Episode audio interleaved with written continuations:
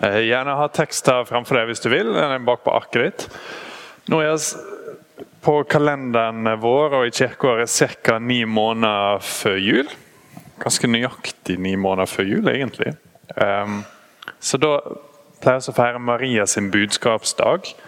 Den dagen når engelen kom og ga beskjed til uh, Maria om at hun skulle få en unge. Og her er, som dere ser øverst i teksten, noen dager etter.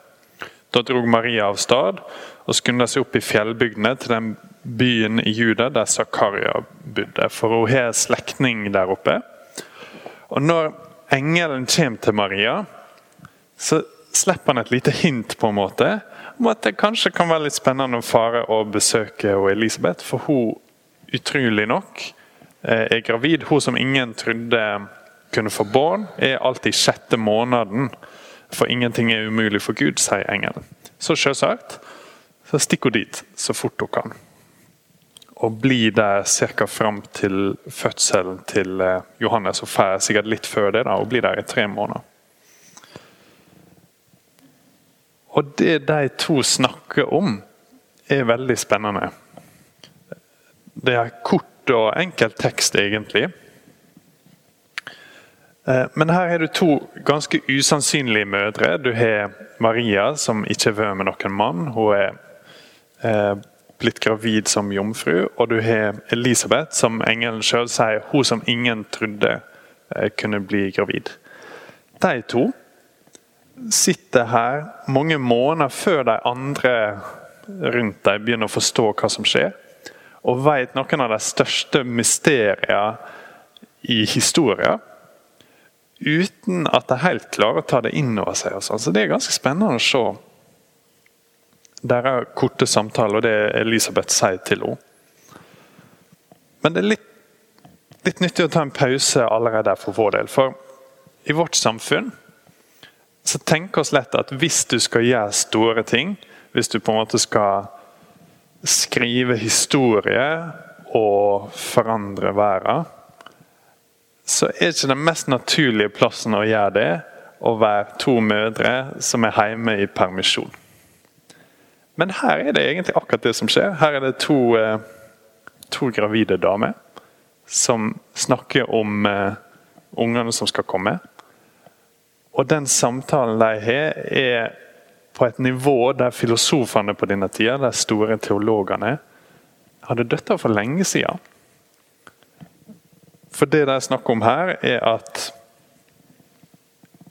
Hvordan kan det i alle dager være at mora til min herre akkurat har gått inn i huset mitt? Hva, hva er det som skjer her? Så det er litt nyttig for vår del. Sånn, noen av dere har vært i permisjon, og kanskje det er en ting dere har snakka litt ned. At jeg er hjemme, skifter bleier og jeg gleder meg til å komme ut igjen og på en måte gjøre noe som betyr noe. Så vet dere egentlig at det betyr ganske masse, men kanskje ikke på et sånn globalt og kosmisk nivå. Det betyr noe masse for familien og sånne ting. Men en gang du er ti, så kan du ta og lese de første to kapitlene i andre Mosebok. For da har Gud lagt en plan. Han skal endre store ting i verden. Han skal eh, få hele israelsfolket ut fra Egypt. Han skal først passe på dem, og så skal han få dem ut fra Egypt. Og Den eneste måten jeg klarer å se som Gud oppnår det han vil, i de første to kapitlene av den boka, er gjennom damer som passer på små unger. Først så har du jordmødre som eh, får beskjed om å drepe alle guttebarna. Um, og så finner de på en sånn Å nei, vi klarte ikke å gjøre det, for alle ungene var allerede født når vi kom. og, og sånn. Uh, så måten Gud beskytter israelsfolket på, er gjennom jordmødrene. Og så med Moses. Han blir satt på vannet og har hele den turen sin der. Og så er det dattera til farao som finner han. Søstera hans er der og tilbyr seg at de kan passe på at han blir stor og sånn. Og alle tingene som Gud gjør for å virkelig gjøre globale endringer og virkelig forandre det landet, skjer på et mininivå. Her er det små unger. I, andre Mosebok er de født. Her er ikke de født engang. Eh, Gud har store planer. Så hva er det som skjer? Og så er det at eh, Maria har akkurat fått beskjeden, og hun har sikkert forstått litt av hva det går på. Men det er naturlig å tenke at hun kanskje venter på et tegn til fra Gud. Så det dukker opp en engel og hatt en nesten uforståelig, men veldig spennende samtale med han om at eh, Den hellige ande skal komme over deg, og krafta fra den høgste skal skygge over deg. Eh, du skal få en unge, og han skal sitte på kongestolen til David, og masse sånne ting. Så det er naturlig at hun er spent, men det er også naturlig at hun kanskje venter på et tegn til. At det ikke bare er sånn Det var ikke bare den dagen engelen kom, på en måte, og nå skal jeg ikke høre noe til. Hvor lenge må jeg gå før jeg på en måte finner ut mer? Så da stikker hun til Elisabeth. Og så står det i vers 40 Der gikk hun inn til Elisabeth og hilsa på henne. Og da Elisabeth hørte hilsinga fra Maria, sparka barnet i magen hennes. Hun må ikke vente lenge i det hele tatt. Det virker som hun akkurat er kommet inn døra, på en måte. At Elisabeth hører at det er Maria. Og så får hun et veldig tydelig tegn til på at det er noe spesielt som skjer her. Jesus eh, skal bli født. Og Johannes døperen er i magen til eh, Elisabeth, og han sparker. På en eller annen måte så virker Den hellige ande sånn at eh, Johannes, liten som han er, merker at her er Jesus kommet. Han som livet til Johannes skal handle om, både på jorda og i evigheten. Har akkurat kommet inn i rommet. Så han blir glad og sparker. Og Elisabeth blir glad. Hun blir fylt av Den hellige ande. Og så begynner hun å gå inn på mysteriet med hva som skal skje. Vers 42. Velsigna er du mellom kvinner, og velsigna er frukta i ditt mors liv. Hvordan kunne det hende meg at mor til Herren min kjem til meg? For da lyden av hilsinga di nådde øret mitt, sparka barnet i magen min av fryd. Ja, sel er hun som trydde, for det Herren har sagt til henne, skal oppfylles. Og så Etter det så kommer Maria med en eh, lang sang, en eh, lovsang til Gud. For det er kjempenaturlig. Hun er sikkert gått opp dit og vært ja, litt spent. Og Det går an å tenke seg de sosiale eh, omstendighetene for henne etter hvert nå. Foreløpig er det ikke synlig at hun blir gravid, men hun er sikkert nervøs for om hun kommer til å miste eh, Josef, som hun er forlova med. Om han kommer til å tro på henne. Hun er sikkert nervøs for hvordan slektningene kommer til å ta imot henne. ikke sant? Og er sannsynligvis spent på om hun vil få flere tydelige tegn fra Gud. Og er bare så vidt kommet inn døra før Elisabeth tar imot henne med en velsigning direkte fra Gud. Som er på, på en måte ganske lett å forstå. Ok, Her kommer mora til Herren min, og, som vet fasiten. Sånn, ok, ja, Det gir mening, for Jesus er Gud, og han ble født gjennom eh, ei jomfru. Eh, julaften. Og så har jeg hørt om det tusen ganger.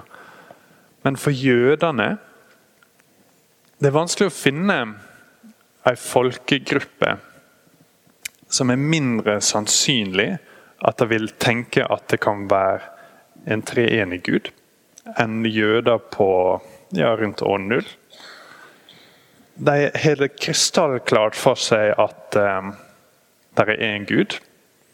Og uh, De går og venter på en Messias, og de går og venter på sånn, men det går ikke nødvendigvis å forvente Jesus. At Det gamle testamentet har forberedt dem, men de har kanskje ikke helt tatt inn over seg at eh, Gud er tre og én. Så her sier hun, og spør spørsmål liksom, hvordan, vers 43. Hvordan kan det hende meg at mor til Herren min kommer til meg? Så har hun ikke noe svar. Men hun er absolutt rett spørsmål. Og det er ingen andre som stiller det spørsmålet så, ja, til dette punktet i uh, Lukas evangeliet. Foreløpig er det kun disse to damene som er alene og har en samtale om eh, en unge som skal bli født om ni måneder. Og de har forstått noe som ja, verdenshistorie fra det punktet Kom til å fortsette å lure på og tenke på. Hvordan kan det være at den dama som står her, hun er mora til min herre? Og så har ikke de svaret. Foreløpig er det ikke sånn at eh, inkarnasjonen er eh, ferdig gjennomtenkt. Det er ikke han ennå.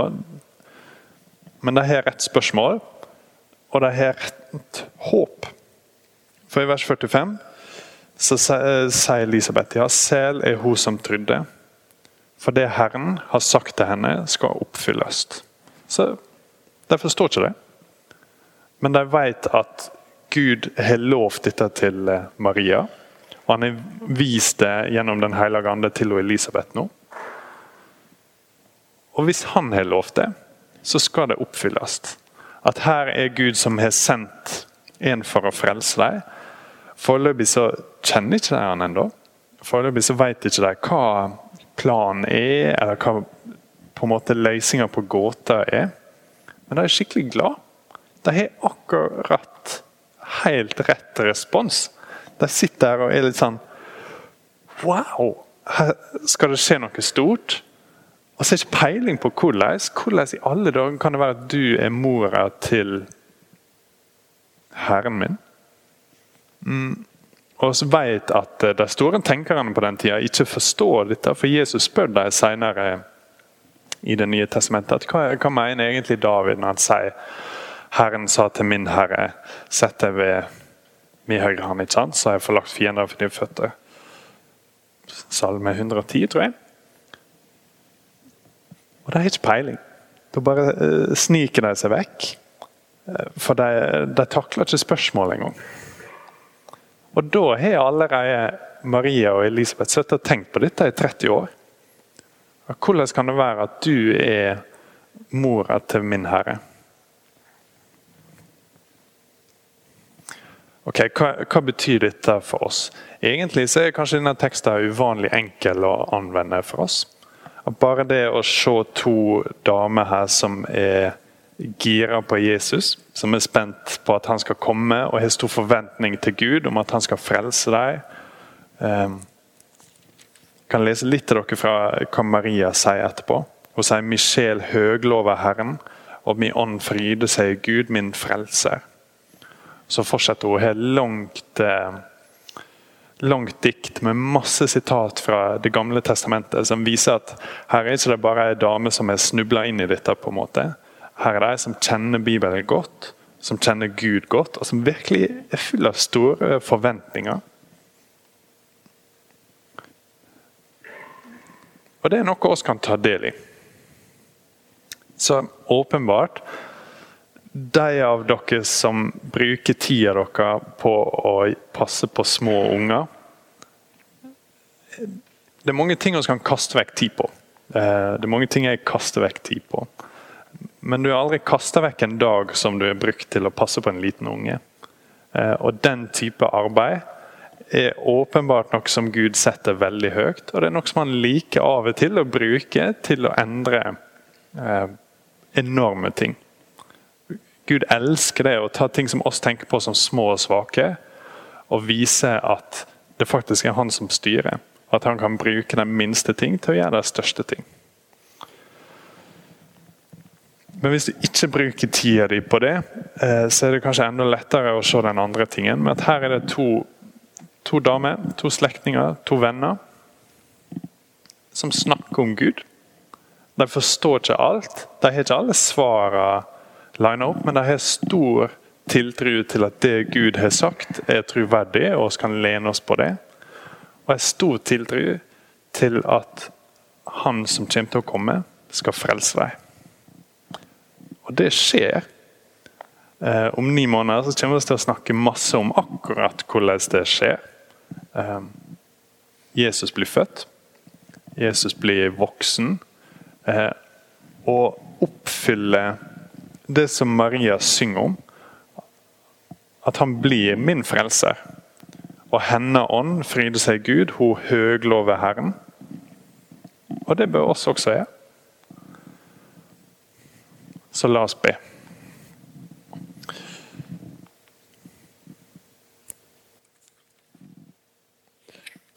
Min sjel høglover Herren. Min ånd fryder seg Gud.